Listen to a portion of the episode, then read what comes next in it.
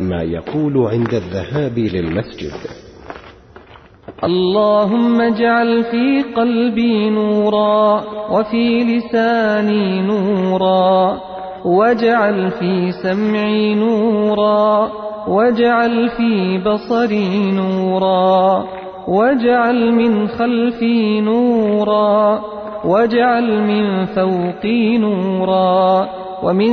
تحتي نورا اللهم أعطني نورا